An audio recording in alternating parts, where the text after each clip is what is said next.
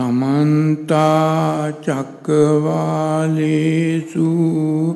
අත්‍රා ගච්ඡන්තු දේවතා සද්දම්මං මුනි රාජස්ස සුනන්තු සග්ග මුක්කඩං ධම්ම ශ්‍රවණ කාලෝ අයං බදන්තා ධම්ම ශ්‍රවණ කාලෝ අයං බදන්තා ධම්ම ශ්‍රවණ කාලෝ අයං බදන්තා නමෝ තස් භගවතු අරහතෝ සම්මා සම්බුද්දස්ස නමෝ තස් භගවතු අරහතෝ සම්මා සම්බුද්දස්ස නමෝ තස් භගවතු අරහතෝ සම්මා සම්බුද්දස්ස.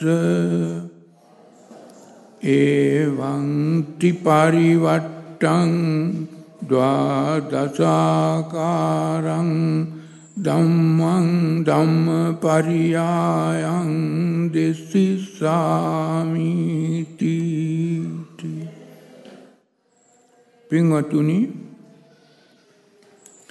අද මේ පින්වතුන් සදී පැහැදී සැරසී සිටින්නේ මේ නිවන් මඟ සාක්ෂාත් කරගන්නට මේ පැවැත්ම මේ රාග ද්වේෂ මෝහ කියන කෙලෙස් ගති සහ මුලින්ම උදුරා දමන්නට උපකාර වන බුදු පියාණන් වහන්සේ දේශනා කරපු ධර්මතාවයක් වූ ත්‍රිපරිවට්ටය පිළිබඳව ධර්ම දේශනාවකට කන් දෙන්නටයි.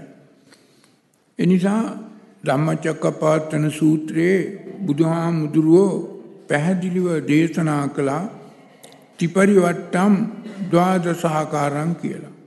ඒ වගේම බුදුහාමුදුරුවෝ දේශනා කරපු බොහෝ සූත්‍රවල විශේෂයෙන්ම මූල පරියාය සූත්‍රයේ මේ ත්‍රිපරිවට්ටය පැහැදිලිව විග්‍රහ කරලා විස්තර කරලා පෙන්වලා දීලා තියෙනවා. ඒ වගේම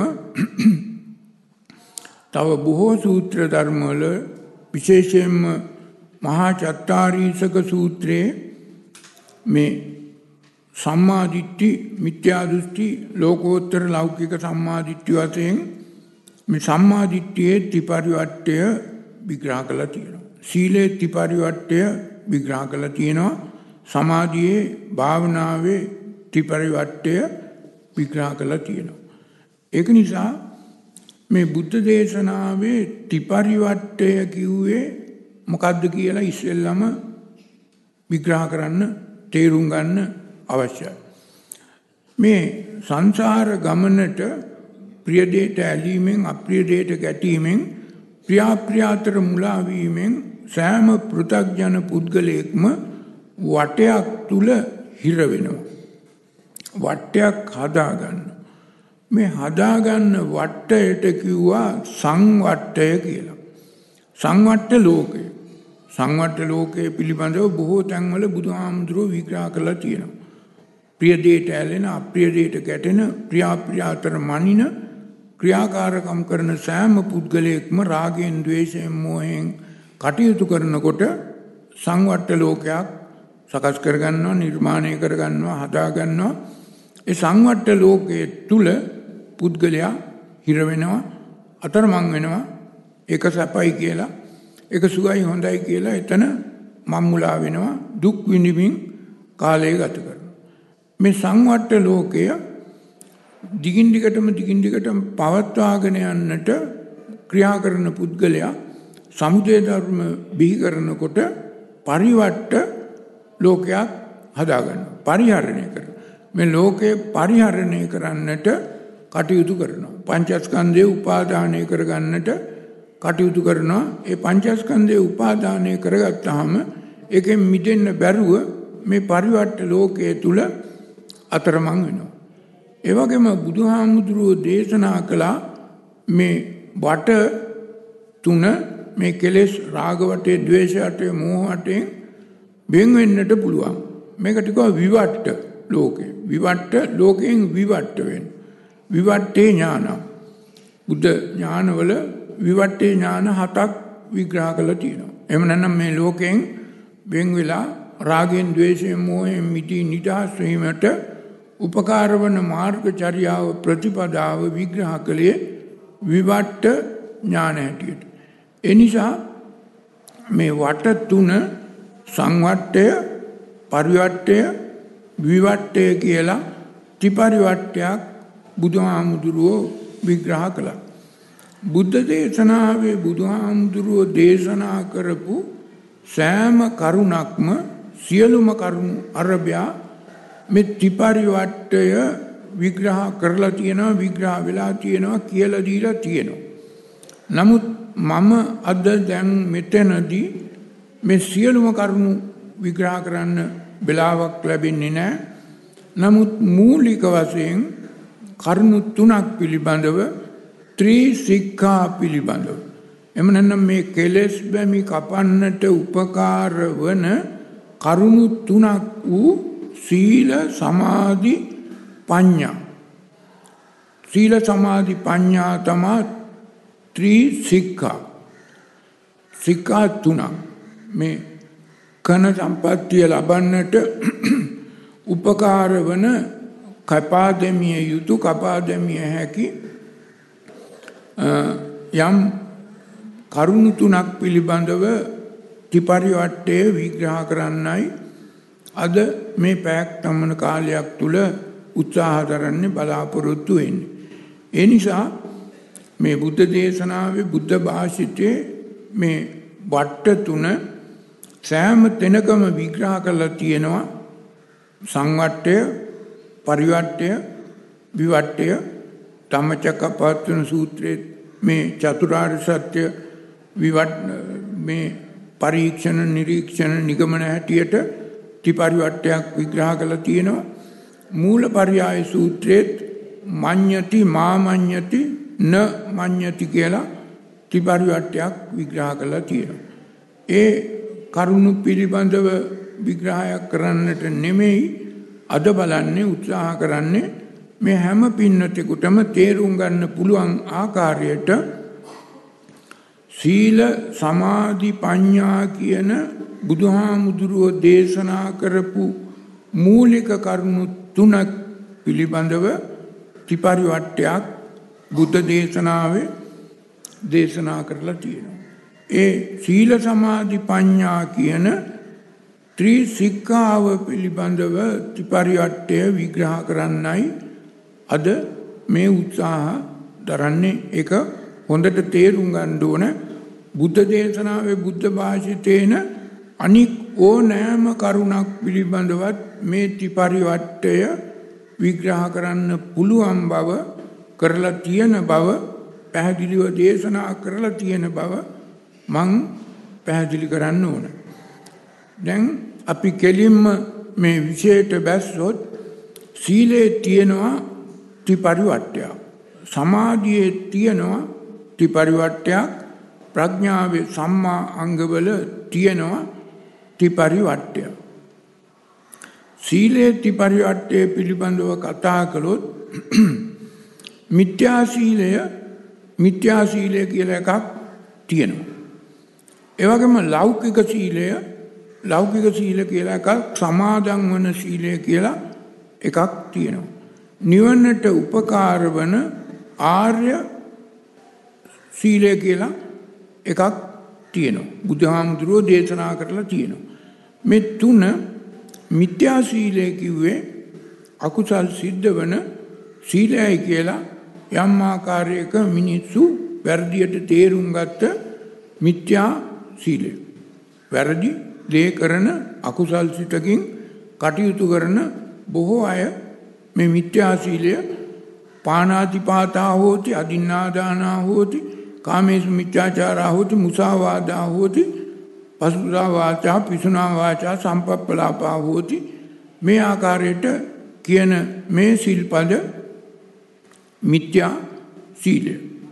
මිත්‍යා සීලේ සංවට්ටේ සකස් වෙනවා. සතර අපායට යන්න හේතු වෙනවා ඒක නිසා ඒ පුද්ගලයා තුල මේ දහමක් නැහැ ඒ පුද්ගලයා අතරමං වෙච්ච පුද්ගලයෙක් ඒ පුද්ගලයාට දහමක් තේරුම් ගන්න බෑ. ඒ පුද්ගලයා කර්ම කරන්නේ කර්මය කරගහ ගන්න කෙනෙක්. ඒ නිසා සතර අපාගත වෙන්න කටයුතු කරන පුද්ගලයෙක් සංවට්ටය සකස් කරගන්නවා මේ මිත්‍යා සීලය හේතු කොටගෙන. සිල් නොදැනීම නිසා සිල් නොරැකීම නිසා සීලය අධිෂ්ඨානයක් නැති නිසා සීලය සීලය කියලා තේරුම් ගන්නට බැරි පුද්ගලයා තුල තියෙන්නේ පවතින්නේ මිත්‍යා සීලය. ඒක තේරුම් ගන්න. අපි අතර ඉන්න සමාජයේ බොහොම මිනිස්සු අද මේ මිත්‍යා සීලය කටයුතු කරන පුද්ගලයෝ. ඒගොල්ලෝ සංවට්ටය සකස් කරගන්නවා. ඒගොල්ලෝ දන්නේ නැහැ මේකෙන් මිදී නිදහස් වෙන්න. ඒගොල්ලන්ට බෑ මේක පාර හොයාගන්න. ඒගොල්ලන්ට මාර්ගය තේරෙන්නේ නැහැ. එනිසා ඒගොල්ලෝ සතර අපාගත වෙනවා. දෙවෙනි එක ලෞකික සීලය. බුදුහාමුදුරන් බුද්ධත්වයට පත්වෙන්නට පෙරත් මහාමායා දේවියත් මේ සිල් සමාදන් වුණා. යන් සමාදානං තං බතං. ලෞකික සීලය කියලා සීලයක් ලෝකෙ තිබුණා තියෙනවා බුදුහාමුදුරුව බුදු වෙන්නට පෙරත් තියෙනවා බුදු වුණාට පස්සෙත් තියෙනවා අදත් තියෙනවා හෙටත් තියෙනවා. ඒක අපායෙන් බේරෙන්න එක දිව්‍ය ලෝකේ යන්න.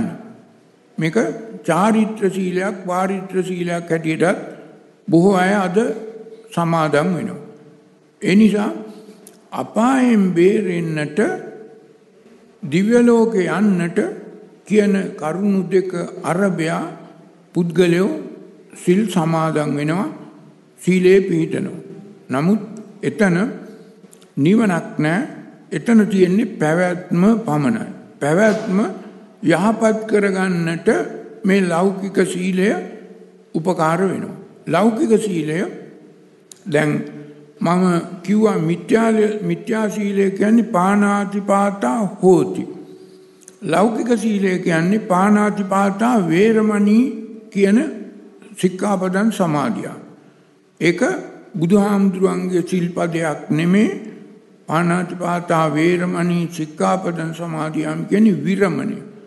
මේ අපාය යනවට බය අපායෙන් බේරෙන්නට එක දිව්‍ය ලෝකයන් කැමැත්තෙන් දිව්‍ය ලෝකයන්ට උපකාර වන ආකාරයට සිල් සමාදන් වෙනවා රකින්නවා එතෙන්දි ලෞකික සීලය පූර්ණ වෙනවා නිවන එතන නැහැ තුන්වෙනි එක ලෝකෝත්තර ලෝකයෙන් එතර වෙන නිවනට උපකාර වන ආර්ය සීලය එතෙන්දි තියෙන්නේ පානාතිපාතං පහය පානාතිපාතා පටිවිරතෝ හෝති.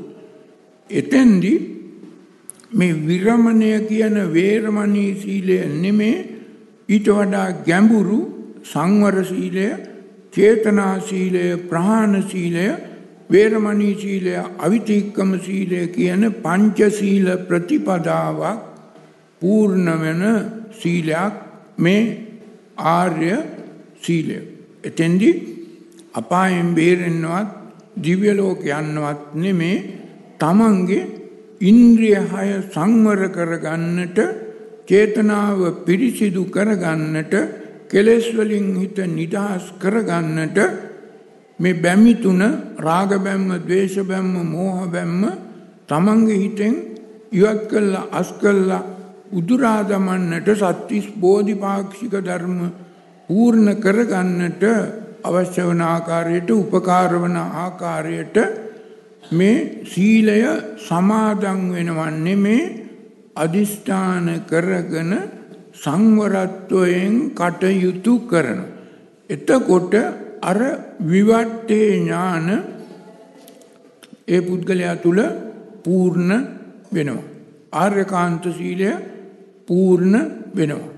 ඒ අනුව සංවර සීලය, චේතනා සීලය, ප්‍රහාණ සීලය, වේරමණී සීලය, අවිතීක්කම සීලය කියන පංච සීල ප්‍රතිපදාව ඒ පුද්ගලයා තුලින් රැකෙනවා.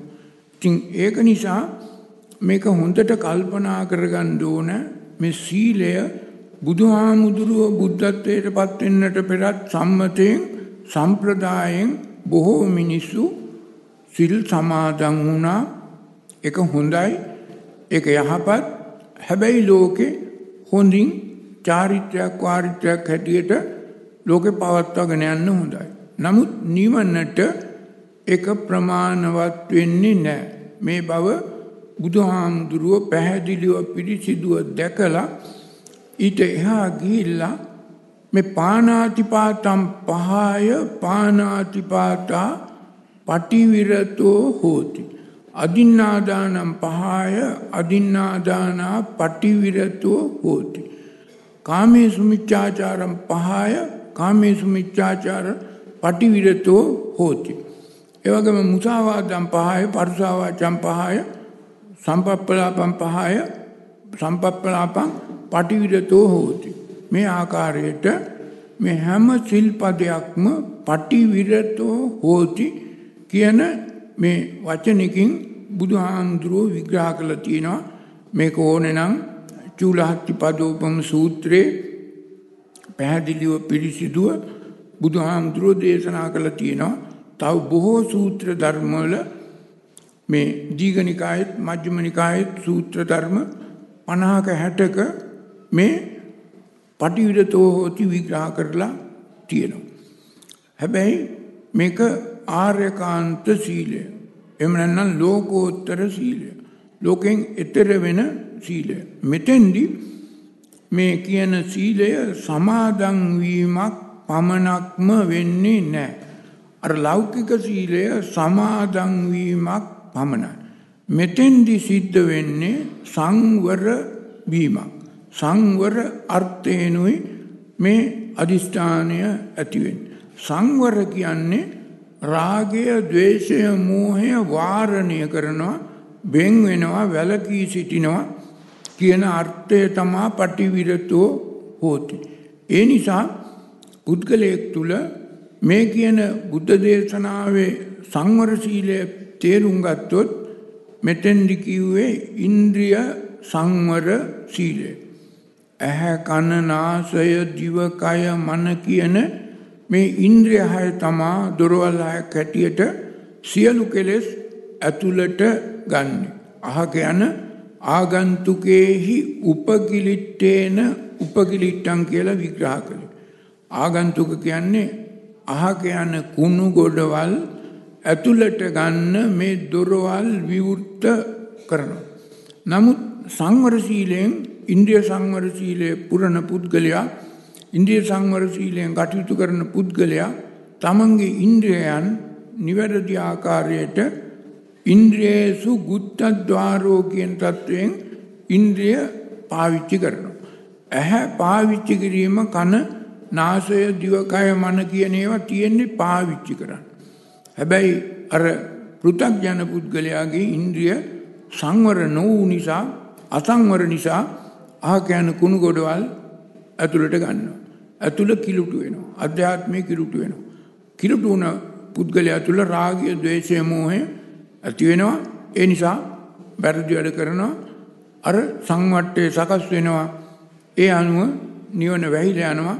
පංචකාම නීවරණ ධර්මයන් සකස් වෙලා කාමච්ඡන්ද ව්‍යාපාද තීන මිද්ද උද්ධච්ච කුක්කුච්ච විචිකිච්ඡිතා කියන මේ නිවන ආවරණය කරන කරුණු පහ සකස් වෙන්නේ ඔන්නේ ඉන්ද්‍රිය සංවරත්වය නැතිකම නිසා නොදන්නාකම නිසා නොතේරෙන නිසා දැන නොගත්ත නිසා තේරුම් ගත්ත නැති නිසා.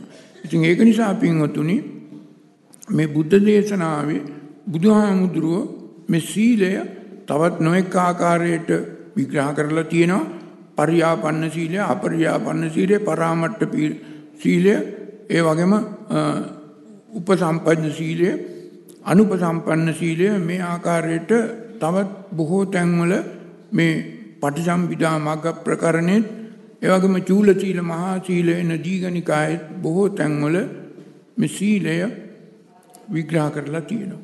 මේ සීලය හැම තැනකම බුදුහාමුදුරන්ගේ නිවන් දකින්නට උපකාර වන ආකාරයට විග්‍රහ කරලා තියෙන තැනක් තියෙනවා නම් එතන සංවර සීලය, චේතනා සීලය, ප්‍රහාණ සීලය, වේරමණී සීලය අවිතික්කම සීලය කියන පංච සීල ප්‍රතිපදාවයි තියෙන්නේ පැහැදිලි කරලා තියෙන්නේ විග්‍රහ වෙන්නේ. ඒ නිසා යම්කිසි කෙනෙක් මේ සංවර සීලය තේරුම් ගත්තේ නැත්නම් මේ සතර සංවර සීලය තේරුම් ගන්න බෑ.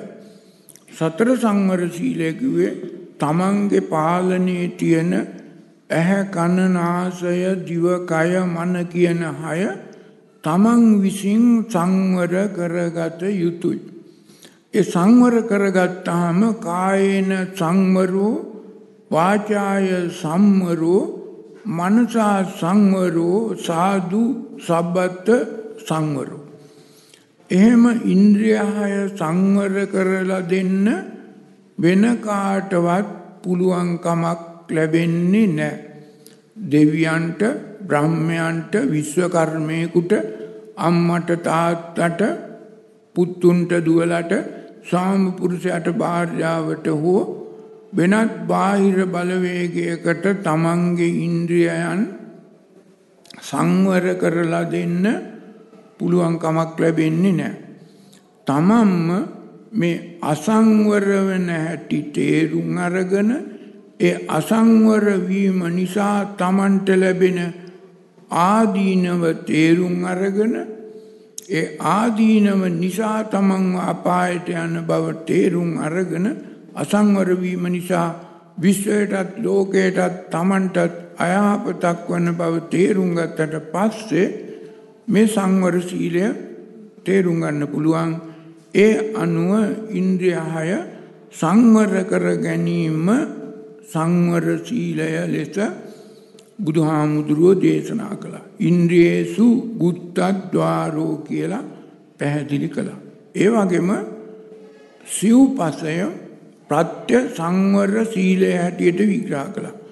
දැන් ගිහියෙක් වුණත් පැවිද්දෙක් වුණත් ආහාර ඕන ඇඳුම් පැළඳුම් ඕන ඒ වගේම හිසට වහලක් ඕන ලෙඩට බේත් හේත් ඕන සිව්පසය. සිව්පසය සංවරත්වයෙන් භාවනා භාවිතා කිරීමට කියනවා ප්‍රත්‍ය සංවර සීලය. මේක පැහැදිලිව සබ්බාසව සූත්‍රයේ පැහැදිලිව විග්‍රහ කරලා තියෙනවා. ඊළඟට මේ ඉන්ද්‍රිය සංවර සීලේ පිහිටියාම සිව්පසය සංවරත්වයෙන් භාවිතා කරනකොට ප්‍රාතිමොක්ක සංවරය එහෙම නැත්නම් මේ විමුක්ති මාර්ගය විවෘත කරගන්නට උපකාර වන විමුක්ති මාර්ග දර්ශනය දකින්නට පුළුවන් වෙන ධම්මානුධම්ම පටිපදාවේ හැසිරෙන්නට පුළුවන් වෙන සීලය ප්‍රාතිමොක්ක සංවර සීලය. ඒ අනුව ආයතික සංවරය පූර්ණ වෙනවා ආජීව පාරිශුද්ධ සංවර සීලයේ පිහිටනවා. එතකොට මේ හතර ඉන්ද්‍රිය සංවර සීලය අර ප්‍රත්‍ය සංවර සීලය ප්‍රාතිමොක්ක සංවර සීලය ආයතික සංවර සීලය මේක තමා සතර සංවර සීලය. කෝටියක් සිල් පූර්ණ වෙන්නේ මෙන්න මේ සතර සංවර සීලය පූර්ණ කර ගැනීම. මේ සතර සංවර සීලය පූර්ණ වෙන්නේ ඉන්ද්‍රිය සංවර යෙහි පිහිටා කටයුතු කරන්නට යම් දැනුමක් අවශ්‍ය අවබෝධයක් යථාභූත ඥාන දර්ශනයක් කෙනෙකුට ලැබුණොත් පමණයි. ඒ නිසා සිල් සමාදන් වීම ලෞකික සීලයක් චාරිත්‍රයක් අපායෙන් බේරෙන්නට දිව්‍ය ලෝක යන්නට කරන සමාදන් වීමක්. ඒක බුදුහාමුදුරන්ගේ කාලෙත් තිබුණා ඊට පස්සෙත් තිබුණා අදත් තියෙනවා හෙටත් තියෙනවා. නමුත් නිවනට උපකාර වෙන්නේ මේ සමාදන් වීම පමණක්ම නෙමෙයි සීලේ පතිට්ඨාය නරාසපඤ්ඤෝ කියලා පැහැදිලිව විග්‍රහ කරලා තියෙනවා. සීලේ පතිට්ඨාය කියන්නේ මේ සීලය අදිෂ්ඨාන කරගෙන ওই සතර සංවර සීලේ පිහිටා ක්‍රියා කිරීමට කටයුතු කිරීමේ. එතකොට යම් කිසි කෙනෙකුට පුළුවන් නම් තමන්ගේ මේ ඉන්ද්‍රිය ආය සංවර කරගන්න ඒ පුද්ගලයාට පුළුවන්කම තියෙනවා මාර්ගචර්යාව පූර්ණ කරගන්න. හැබැයි ඉන්ද්‍රිය සංවරය ඇති කරගන්න නම් මේ ත්‍රිපිටක ධර්මයේ දේශනා කරපු බුදුහාමුදුරුව පැහැදිලි කරපු මාර්ගචර්යාව හරිහැටියට තේරුම් ගන්න ඕන.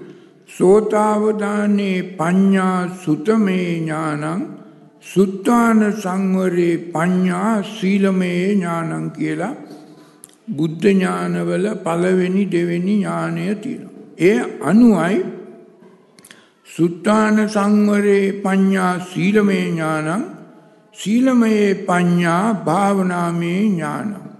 එතකොට මේ සීලය සංවර සීලය ලැබෙන්නේ සෝතාවදානේ පඤ්ඤා සුතමේ ඥානෙ ලැබුණු. එම නැත්නම් මේ බුදුහාමුදුරුවෝ දේශනා කරපු මාර්ගචර්යාව දොතාවය හරිහැටියට තේරුම් ගන්න ඕන. දෙපැත්තක් තියෙනවා. ඉතින් ඒ අනුවයි මේ ත්‍රිපරිවට්ටය විග්‍රහ වෙන්නේ සීලය මේ ලෝකෝත්තර සීලයක් තියෙනවා ලෞකික වශයෙන් හොඳ යහපත් චාරිත්‍රයක් වාරිත්‍රයක් හැටියට සමාදන් වෙන සීලයක් තියෙනවා. ඒක නරක නෑ. ඒක හොඳයි. හැබැයි නිවනට ප්‍රමාණවත් වෙන්නේ නෑ. ඒකයි වෙනස. නිවනක් නෑ එතන. එතන ජාති ධම්ම ජරා ධම්ම ව්‍යාධි ධම්ම මරණ ධම්ම අවසන් කරන්නට ක්‍රමයක් නෑ මේ සමාදන් වන චාරිත්‍ර වාරිත්‍ර සීලය. එක මේ සීලය පන්තිල් සමාදන් වුණත් අටසිල් සමාදන් වුණත් දසසිල් සමාදන් වුණත් උපසම්පදා සිල් කියලා සමාදන් වුණත් එතන තියෙන්නේ යම් සමාදානං මිසක් අර ඉන්ද්‍රිය සංවරයක් එන ඉන්ද්‍රිය සංවර සීලයක් නැත්නම් සිව්පසය සංවරත්වයෙන් භාවිතා කරන්නේ නැත්නම් ප්‍රාතිමොක්ක සංවරය ආයතික සංවරය නැත්නම් එතෙන්දි මේ කියන සංවර සීලය චේතනා සීලය වේරමණී සීලය ප්‍රහාණ සීලය අවිතික්කම සීලය පූර්ණ වෙන්නේ නැහැ ඒ නිසා ලෝකෝත්තර සීලය ආර්ය සීලය ආර්යකාන්ත සීලය පූර්ණ වෙන්නේ නැහැ. මේ තුන සීලය පිළිබඳව පැහැදිලිව පිරිසිදුව යමෙක් තේරුම් ගත්තොත් නිවනට උපකාර වන සීලය වෙනම තේරුම් ගන්න පුළුවන්. ඒක තමන්ගාව තමන්ගේ ඉන්ද්‍රිය සංවර කර ගැනීමෙන් කරගන්නට පුළුවන් දෙයක් බව පැහැදිලිව පිරිසිදුව තේරුම් ගන්න ඕන. අපාය යනවට අපායෑමෙන් බේරෙන්න මේ සිල් රකින්න එක සිල් සමාදන් වෙන එක නිවනට හේතුවක් වෙන්නේ නැහැ. අපායෙන් බේරුණාට පැවැත්ම අවසන් වෙන්නේ නැහැ. පැවැත්ම තියෙන තාක්කල් දුක නැවත නැවතත් යායන් තණ්හා පෝනෝ භවිකා කියන තත්වෙන් දුක උපද්දවා ගන්නවා උරුම කර ගන්නවා දුක හදා ගන්නවා නිර්මාණය කරනවා. ඒ නිසා පින්වතුනි මේ සීලයේ ත්‍රිපරිවට්ටයක් තියෙනවා කියලා යම් කෙනෙක් හරියට නිවැරදිව තේරුම් ගත්තොත් ඒ පුද්ගලයාට තේරෙනවා නිවනට උපකාර වන්නේ මොකක් වගේ සීලයක්ද කියන එක. මෙතෙකින් අපි සීලේ ත්‍රිපරිවට්ටය දැනට తాවකාලිකව නවත්තලා ඊළඟට මේ සමාධියේ ත්‍රිපරිවට්ටයක් තියෙනවා. මිත්‍යා සමාධි, ලෞකික සමාධි, අනාර්ය සමාධි ආර්ය සමාධි ලෝකෝත්තර සමාධි තුනක් තියෙනවා. මිත්‍යා සමාධිය කියන එක ඕනෑම තිරිසන් සතෙකුටත් මිනිහෙකුටත් යමක් කරනකොට හිත එකඟ කරගන්න පුළුවන් නම් එක ඉලක්කයකට ගෙනියන්න පුළුවන් නම් ඕනේ පව් වැඩක් කරන්නත් දැන් බලලෙක් කොටියෙක් යම් ගොදුරකට කුරුමානක් කුරුමානමක් අල්ලනකොට මිත්‍යා සමාධියක් තියෙනවා.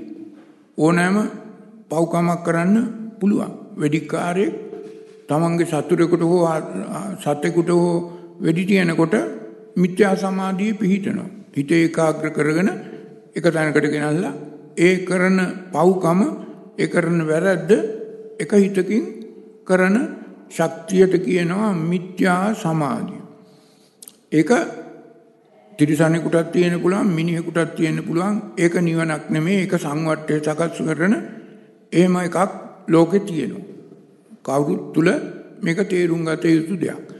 ඒ වගේම බුදුහාමුදුරුවෝ බුද්ධත්වයට පත් වෙනකොට බොහෝ අය මේ ලෞකික සමාධි අනාර්ය සමාධි කියලා මේ සමාධි ක්‍රමයක් එහෙම නැත්නම් මේ හිත ඒකාග්‍රතාවයට පත් කරගෙන එකඟ කරගෙන ඔය සවිතක්ක සවිචාර පීතිසුඛ ඒකාග්‍රතාව කියන தත්වයෙන් පවත්වපු ධානලාභින් අභිඥාලාභින් ලෞකික වශයෙන් සමාධි ලැබුවා. අභිඥා ලැබුවා. චේතෝ විමුක්තිය ලැබුවා. ඒක නිවන නෙමෙයි. එතෙන්දී සිද්ධ වුණේ යම් ආකාරයකට తాවකාලිකව මේ රාගය, ద్వේෂය කියන කෙලෙස් ගති දෙක తాවකාලිකව යටපත් කිරීමක්. මේක හොඳට වෙනස තේරුම් ගන්න ඕන. එතකොට ඔය කියන පළවෙනි දෙවෙනි තුන්වෙනි හතරවෙනි ධාන හෝ අර ආකාසඤ්ඤායතන ආකිඤ්ඤායතන විඥානඤ්ඤායතන නේව සංඥා නා සංඥායතන කියන මේ ධාන 8ම බුදුහාමුදුරුවෝ බුද්ධත්වයට පත් වෙන්නට පෙර ඔය ආසිත තවුසා උද්දකරාම පුත්‍ර ආලාරකාලාම පංචවග්ගයේ භික්ඛූන් මේ වගේ බොහෝ අය මේ අර ආර්ය සමාධි නොවන අනාර්ය සමාධි ලබලා හිටියා. අභිඥා ලබලා හිටියත් හිටියා. හැබැයි එතන මේ කියන ආර්ය ධානයක් ආර්ය සමාධියක් ආර්ය සම්මාපත්තියක් තිබුණේ නැහැ. බුදුහාමුදුරුවෝ බුද්ධත්වයට පත් වුණාට පස්සේ විතරයි මේ කෙලෙස් යටපත් කිරීම නවත්තලා කෙලෙස් මුල් සහ මුලින්ම උදුරලා දාලා සමුච්ඡේද ප්‍රහාණයෙන් කෙලෙස් මුල් උදුරන ක්‍රමය ආර්ය සමාධි සම්මා සමාධි හැටියට විග්‍රහ කළේ. එනිසා මේ සම්මා සමාධි කියන්නේ ආර්ය සමාධි. එතන තියෙන්නේ චේතෝ විමුක්තිය නෙමෙයි. එතන තියෙන්නේ ප්‍රඥා විමුක්තිය. එතන තියෙන්නේ මේ කෙලෙස් తాවකාලිකව තදංගම වශයෙන් හෝ විස්කම්බන වශයෙන් හෝ යටපත් කරලා ලබන සහනයක් නෙමේ එතන තියෙන්නේ කෙලෙස් මුල් සමුග්ඝාත වශයෙන් සමුච්ඡේද වශයෙන් ශේෂයක්වත් හිතේ ඉතුරු නොවන ආකාරයට කෙලෙස් මුල් උදුරලා දාලා ලබන ආර්ය සමාධියක් සම්මා සමාධියක් ප්‍රඥා විමුක්තියක් විද්‍යා විමුක්තියක් එනිසා පින්වතුනි මේ සමාධිවලත් ත්‍රිපරිවට්ටයක් තියෙන බව තේරුම් ගන්න ඕන. අද බන විට අර විසුද්ධි මාර්ගයේ දේශනා කරපු ලියලා තැබ්බ සම 40 භාවනා ක්‍රමවලින් 30ක්ම එදා බුදුහාමුදුරුව බුද්ධත්වයට පත් වෙන්නට පෙර උපනිෂද් ධර්මයේ වේද ආගමේ ශිව ආගමේ ওই ප්‍රාණයාම භාවනා ක්‍රම කරලා මේ අභිඥා ධානය ලබන්නට පුළුවන් ක්‍රම. ඒවා බොහොම ජනප්‍රිය වුණා පස්සේ කාලෙක.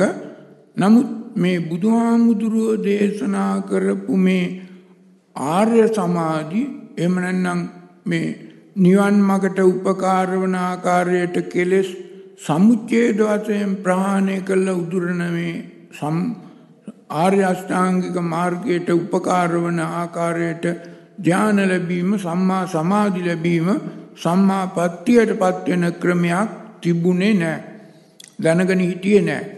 බුදුහාමුදුරුවෝ බුදු වුණාට පස්සේ මේ කෙලෙස් මුල් උදුරලා දාන ක්‍රමය විග්‍රහ කළේ පිහිටු සුදු කළේ. නමුත් අද වන විට මේ ලෝකේ ඔය මොන රටවල් වල වුණත් පෙරදිග බොහෝ බුරුමේ තායිලන්තේ ඔය තවත් කොරියාව වියට්නාමේ ලාහෝසේ කාම්බෝජය වගේ රටවල් වල ටිබෙට් වගේ ලංකාවෙත් බොහෝ භාවනා මධ්‍යස්ථානවල තියෙන්නේ මේ తాවකාලිකව කෙලෙස් යටපත් කළා සමු අර තදංගම වශයෙන් විස්කම්බන වශයෙන් කෙලෙස් යටපත් කරලා ලබන සමාධියක් ඒවට කියනවා ලෞකික සමාධි කියලා අනාර්ය සමාධි කියලා. ඒවා කෙලෙස් මුල් ඉතුරු වෙනවා.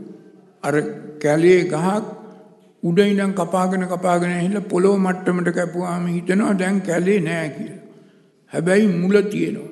මුල නැවත මතු වෙනවා ලියලනවා ආයි කැලේ හැදෙනවා. ඒ වගේ මේ කෙලෙස් මුල් රාග මුල, ద్వේෂ මුල, මෝහ මුල උදුරලා දමන්නට උපකාර වෙන්නේ නැත්නම් උදුරා දමන්න ක්‍රමය කියා දෙන්නේ නැත්නම් ආනාපාන සති සමාධිය තේරුම් ගන්න බැරි වුණොත් සතර සතිපට්ඨානය නොඇඩුනොත් එතන අර ආර්ය සම්මාපත්තියක් ලැබෙන්නේ නැහැ.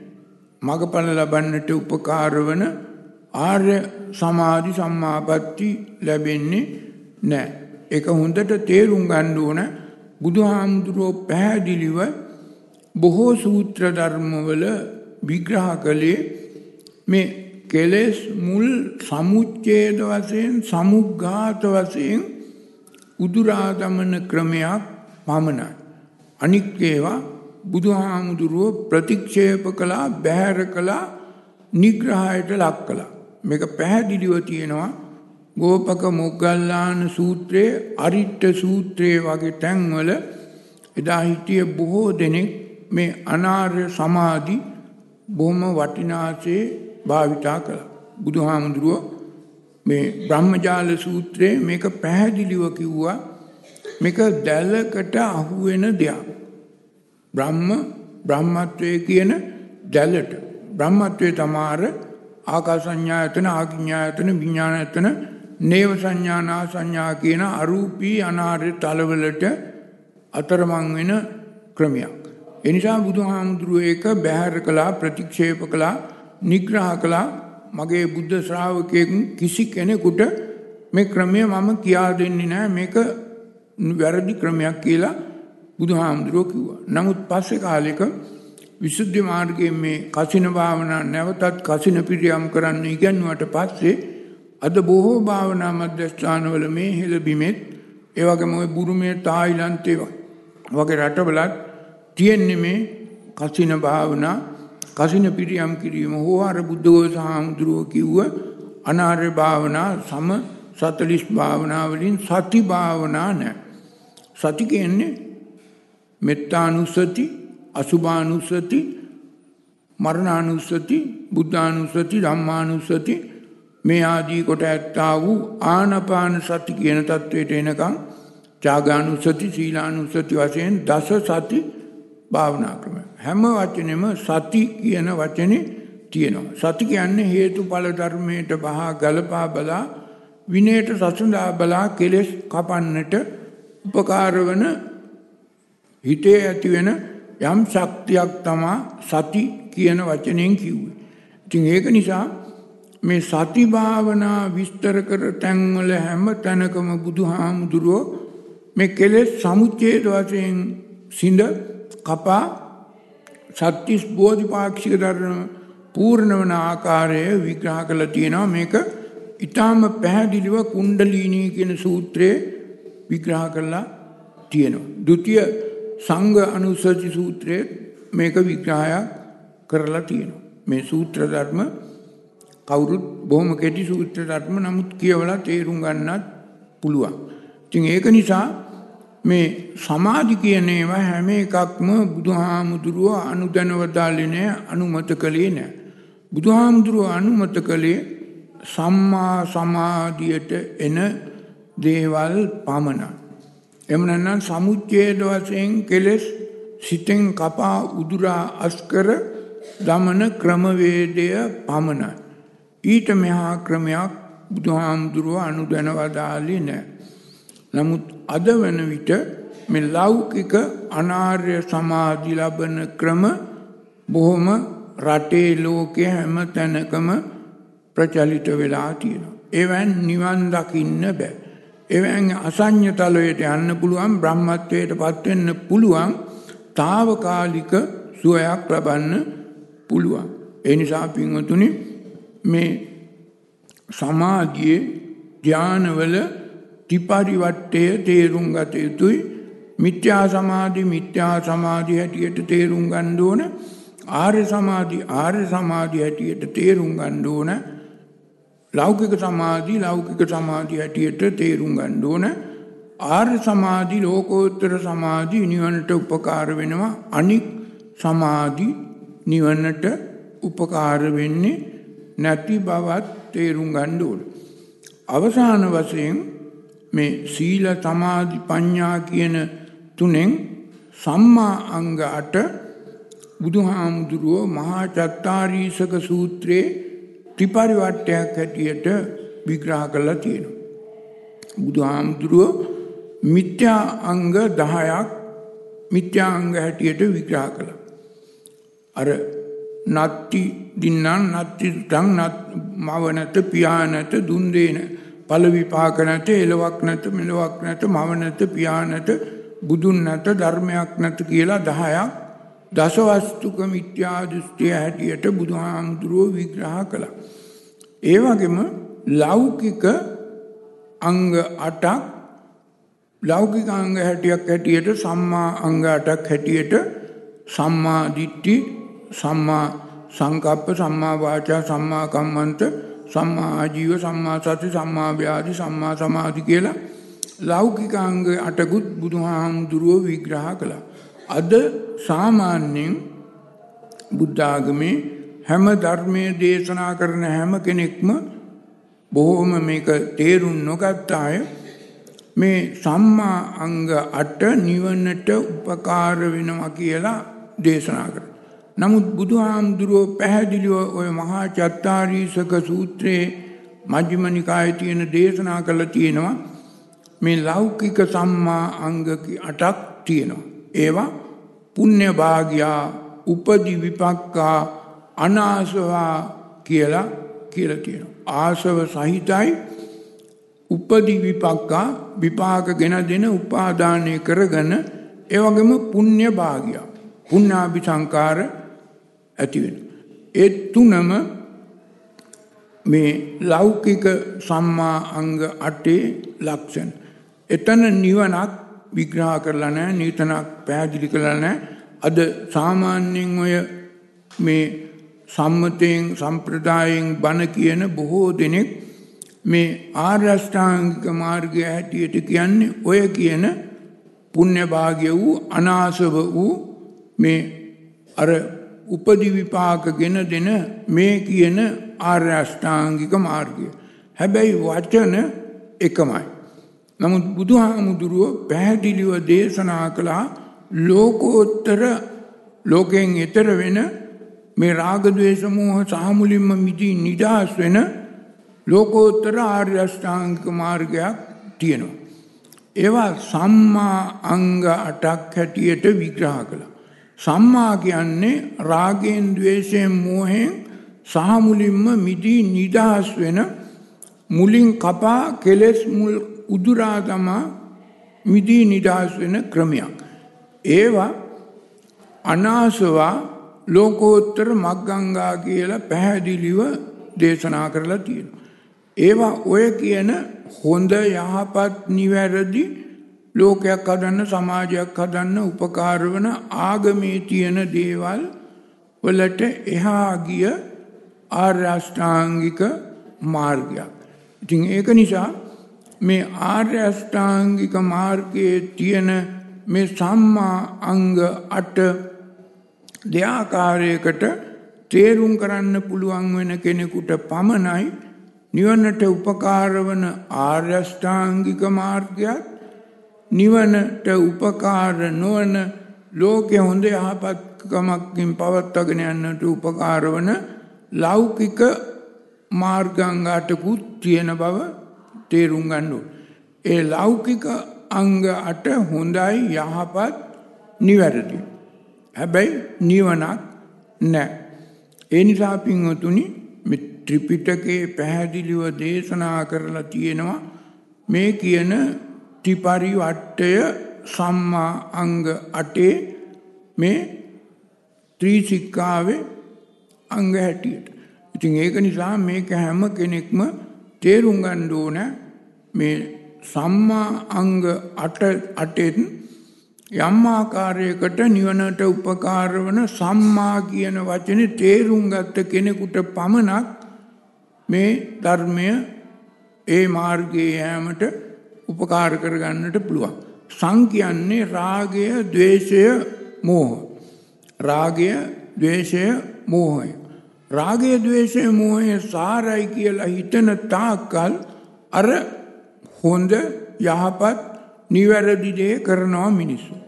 ඒ අනුව මේ සංසාර ගමන දිගින් දිගටම දිගින් දිගටම පවත්වාගෙන යන්න මිසක් සංසාර ගමනින් සදහටම මිදී නිදහස්ව මේ දුකින් මිදී නිදහස් වන්නට උපකාර වෙන්නේ නැහැ. මා කියන වචනේ බුද්ධ දේශනාවේ මූලපරියාය සූත්‍රයේ 124 ආකාරයකට විග්‍රහ කරලා තියෙනවා.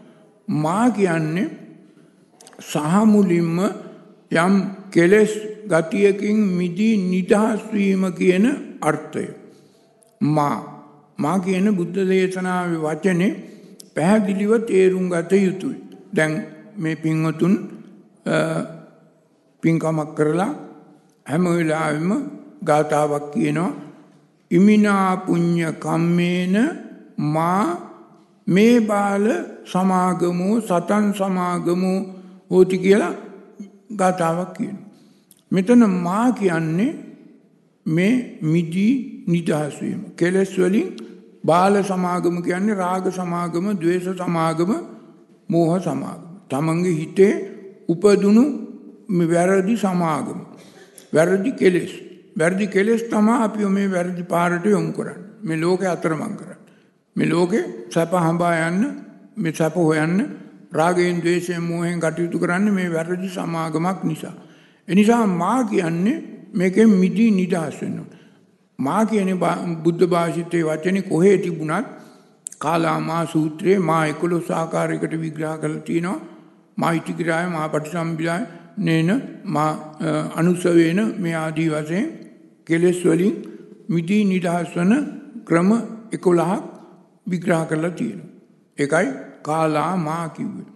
ඉතින් ඒක නිසා මා කියන වචනේ බුද්ධ දේශනාවේ හොඳට තේරුම් ගත යුතු වචනයක්. සං කියන්නේ රාගය, ద్వේෂය, මෝහය ඉදිරියේදී සම්මුදය බිහි කරන සම්බන්ධතාවයක් උපදන සංසාර ගමන ගෙනියන සියලුම ක්‍රියාවල් බුද්ධ දේශනාවේ මාගදී භාෂාවේ සං කියන වචනෙන් විග්‍රහ කළා. සං කියන්නේ රාගය, ద్వේෂය, මෝහය, මා කියන්නේ මිදී නිදාස් වීම, පටිපදා කියන්නේ අන්න සම්මා අංග 10න් විග්‍රහ කරපු නිවැරදි ප්‍රතිපදාව. මේක තේරුම් ගත්තේ නැති කෙනෙකුට මේ රාගය, ద్వේෂය, මෝහය කියන එක හරියට තේරුම් ගත්තේ නැති කෙනෙකුට සම්මා අංග 8 තේරුම් ගන්නත් බෑ. සම්මා සමාධියටපත් වෙන්නත් බෑ. සම්මා ඥාන ලැබෙන්නෙත් නැහැ. සම්මා විමුක්තිය ලැබෙන්නෙත් නැහැ. සම්මා විමුක්තිය කිව්වේ මාර්ග ඵල. සම්මා ඥාන කිව්වේ මාර්ග මාර්ග හතර.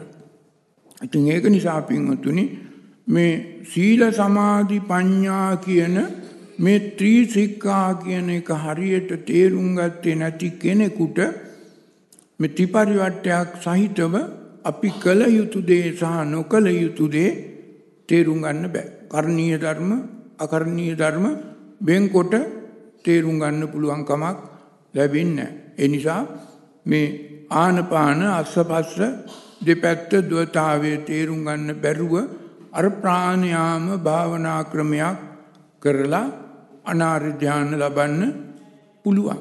එහෙම එකක් තියෙනවා. හැබැයි එතන නිවන නැහැ. ඒ නිසා නිවනට නම් මේ ආර්යකාන්ත සීලයත් ඒ වගේම ආර්ය සමාධියත් ඒ වගේම ආර්ය අෂ්ටාංගික මාර්ගයක් තියෙන කියන ත්‍රිසික්ඛා සික්ඛා තුනක්. කෙලස් සාමුලින්ම කපා මුල් සිඳ දමන ක්‍රමවේද තුනකට කිව්වා ත්‍රිසික්ඛා. කන සම්පත්තිය ලැබෙන්නේ මේ කියන ත්‍රිසික්ඛා නිවැරදිව දැනගෙන අනුගමනය කළොත් පමණයි. ඉතින් ඒක නිසා පින්වතුනි සෑම කෙනෙක්ම තේරුම් ගන්න ඕන මේ බුද්ධ දේශනාවේ ත්‍රිපරිවට්ටයක් තියෙනවා. ඒක මේ මුල්ම දේශනාවේ ධම්මචක්කපවත්තන සූත්‍රයේ පැහැදිලි කළා මූල පරියාය සූත්‍රයේ හොඳට පැහැදිලිව 124 ආකාරයකට මඤ්ඤති මාමඤ්ඤති න මඤ්ඤති කියන වචන වලින් විග්‍රහ කළා. ආර්ය පරිශ්‍රණ සූත්‍රයේ පැහැදිලි කළා. තව බොහෝ සූත්‍රවල මේ ත්‍රිපරිවට්ටය විග්‍රහ කරලා තියෙනවා. කෙනෙකුට නිවන් දකින්න අවශ්‍ය නම් මාර්ගඵල ලබන්නට අවශ්‍ය නම් මේ සීල සමාධි ප්‍රඥා කියන ත්‍රිසික්ඛාවලවත් නිවනට උපකාර වන ත්‍රිපරිවට්ටය ත්‍රිපරිවට්ටයම තේරුම් ගත යුතුයි. එනිසා තමන් මේ කරන කියන හිතන දේවල් කොයි එකට වැටෙනවද ලෞකික වශයෙන් අතරමං වෙන්නද ලෝකෝත්තර වශයෙන් දුකෙන් මිදෙන්නද කියන එක ඒ ඒ පුද්ගලයාටම තීරණය කරගන්නට පුළුවන් වෙනවා මේ කියන ත්‍රිපරිවට්ටය තේරුම් ගන්න පුළුවන්. මේ ත්‍රිපරිවට්ටය සෑම බුද්ධ වචනයකටම අදාළයි. මම මේ ඒකෙන් තුනක් පමණයි මේ කාලය තුල විග්‍රහ කරන්න අවස්ථාව ලැබුණේ. නමුත් මේක මීට වඩා හුඟක් ගැඹුරුයි. ඒක ඒ ගැඹුරු තරම තම තමන් තුලින් තමන්ට දැක ගන්න පුළුවන් වෙනවා මේ ත්‍රිසික්ඛා පූර්ණ වීමත් සමග සීල සමාධි ප්‍රඥා පූර්ණ වීමත් සමග සීලය කියන්නේ සංවර වීම සමාධිය කියන්නේ සංසිඳ වීම ආරෂ්ඨාංගික මාර්ගය කියන්නේ සම්මා වීම සංවර සංසිඳීම සම්මා මේ තුන හරියට තේරුම් ගත්තොත් ඕන කෙනෙකුට පුළුවන් මේ සංසාරයි කියලා මෙතෙක් කල් හිතාගෙන හිටිය මේ රාගයෙන් ද්වේෂයෙන් මෝහයෙන් කටයුතු කළ පුද්ගලයාට නිවන් අවබෝධ කරගන්නට මග සාක්ෂාත් කරගන්නට මග දැක ගන්නට. ඒ නිසා මේ සෑම පින්වතෙකුටම මේ කෙටි කාලයක් තුල දේශනා කරපු මේ ත්‍රිසික්කාව ත්‍රිපරිවට්ටය හොඳට තේරුම් අරගෙන තමනුත් මේ දෛනිකව ජීවත් වෙලා ඉන්න අවස්ථාවේ කරන කියන හැම දෙයකටම මේක අදාළයි. ඉන්ද්‍රිය සංවරය සෑම දෙයකටම අදාළයි. හොඳට කල්පනා කරන්න ඕන. ඉතින් ඒක නිසා ඉන්ද්‍රිය සංවරයෙන් පටන් ගත්තේ නැත්නම් මේ සංවර සීලය පූර්ණ වෙන්නේ නැහැ. ඒ වගේම ආර්ය සමාධිය මේ ඕනෑම කරන කියන හිතන ඕනෑම අවස්ථාවක කරන්න පුළුවන් දෙයක් බව සම්පජඤ්ඤ පබ්බේ මහා සතරාතිපට්ඨාන සූත්‍රයේ සම්පජානකාරී හෝති කියන වචනයෙන් බුදුහාමුදුරුවෝ විග්‍රහ කරලා තියෙනවා. ඒ වගේම මේ සම්මා සමාධි කියන එක සම්මා දිට්ඨියටපත් වූ ඕනෑම කෙනෙකුට කරගන්න පුළුවන් ඒ අනුව මගඵල සාක්ෂාත් කරගන්නට පුළුවන් බව සෑම පින්වතෙක්ම පැහැදිලිව පිරිසිදුව තේරුම් ගත යුතුයි. සාදු සාදු සා. පින්වතුනි පැයක් වමන වේලාවක් ධර්ම ශ්‍රවණය කිරීමෙන් තුන්සිත පහදාගත් ආ වූ මේ පින්වතුන්ගේ අවසාන යුතුයකම් සහ පරමාර්ථය වෙන්නේ පින් අනුමෝදන් කිරීම, පින් දීම, පින් පැවරීම. ඒ නිසා මේ පින්වතුන් සියලුම දෙනා සිහිපත් කරගන්න ඕනේ. තමන්ගේ තුන් සිත පහදාගෙන ඒ තම තමන්ගේ යුතුයකමක් වගේමක් හැටියට සියලුම ඥාති මිත්‍රාදීන්ට පින් දීලා පින් පවරලා පින් අනුමෝදන් කරන්නට.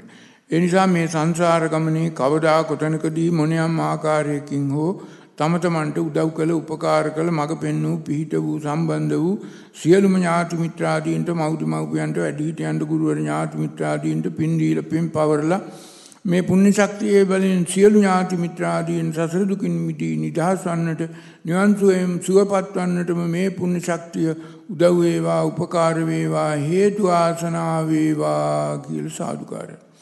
ඒ වගේම සියලුම දෙවි දේවතාවුන් වහන්සේලාට පින් දීලා පින් පවරලා පින් අනුමෝදන් කළා මේ පුණ්‍ය ශක්තියේ බලෙන් සියලු දෙවියෝ සසර දුකින් මිදී නිදහස් වෙත්වා නිවන් සුවයෙන් සුවපත් වන්නට සියලු දෙවියන්ටත් මේ පුණ්‍ය ශක්තිය උපකාර වේවා උදව් වේවා හේතු ආසනා වේවා කියලා සාදුකාරය. ඒ වගේම සියලු භූත ભેද විසාචාදී වූ අමනුෂ්‍ය කොට්ටාස ත්‍රිසං අපාගත සතර අපාගත සත්තු කොට්ටාස අසඤ්ඤ තලවල ඉන්නා වූ අනන්ත අප්‍රමාණ සත්වයන් කෙරෙහි අනුකම්පා සිතක් ඇතුව සියලු සත්වයින්ටත් පින් දීලා පින් පවරලා පින් අනුමෝදන් කළා මේ පුණ්‍ය ශක්තියේ බලෙන් සියලු සත්වයෝ සතර දුකින් මිදී නිදහස් වෙත්වා නිවන් සුවයෙන් සුවපත් වෙත්වා කියලා සාදුකාරයක් දෙන්න. දැන් මේ පින්වතුන් මේ ගාථාවන් කියලා පින් අනුමෝදන් කරන්න ගාථාවන් කියන්න එත්තාවතා චම්මේ සම්බදම් පුඤ්ඤ සම්පදං සබ්බේ දේවානුමෝදන්තු සබ්බ සම්පත්ති සිද්ධියා එතාවතාචම්මේ සම්බදම් පුඤ්ඤ සම්පදං සබ්බේ භූතා අනුමෝදන්තු සබ්බ සම්පත්ති සිද්ධියා එත්තාවතාචම්මේහි සම්බදම් පුඤ්ඤ සම්පදං සබ්බේ සත්තා අනුමෝදන්තු සබ්බ සම්පත්ති සිද්ධියා. ඉදම්මේ ඥාතිනං හෝතු සුඛිතා හුන්තු ඥාතයෝ. ඉදම්මේ ඥාතිනං හෝතු සුඛිතා හුන්තු ඥාතයෝ. ඉදං ගෝ ඥාතිනං හෝතු සුඛිතා හුන්තු ඥාතයෝ. ඉමිනා පුඤ්ඤ කම්මේන මාමේ බාල සමාගමෝ. සතන් සමාගමෝ හෝතු යාව නිබ්බාන පත්තියා.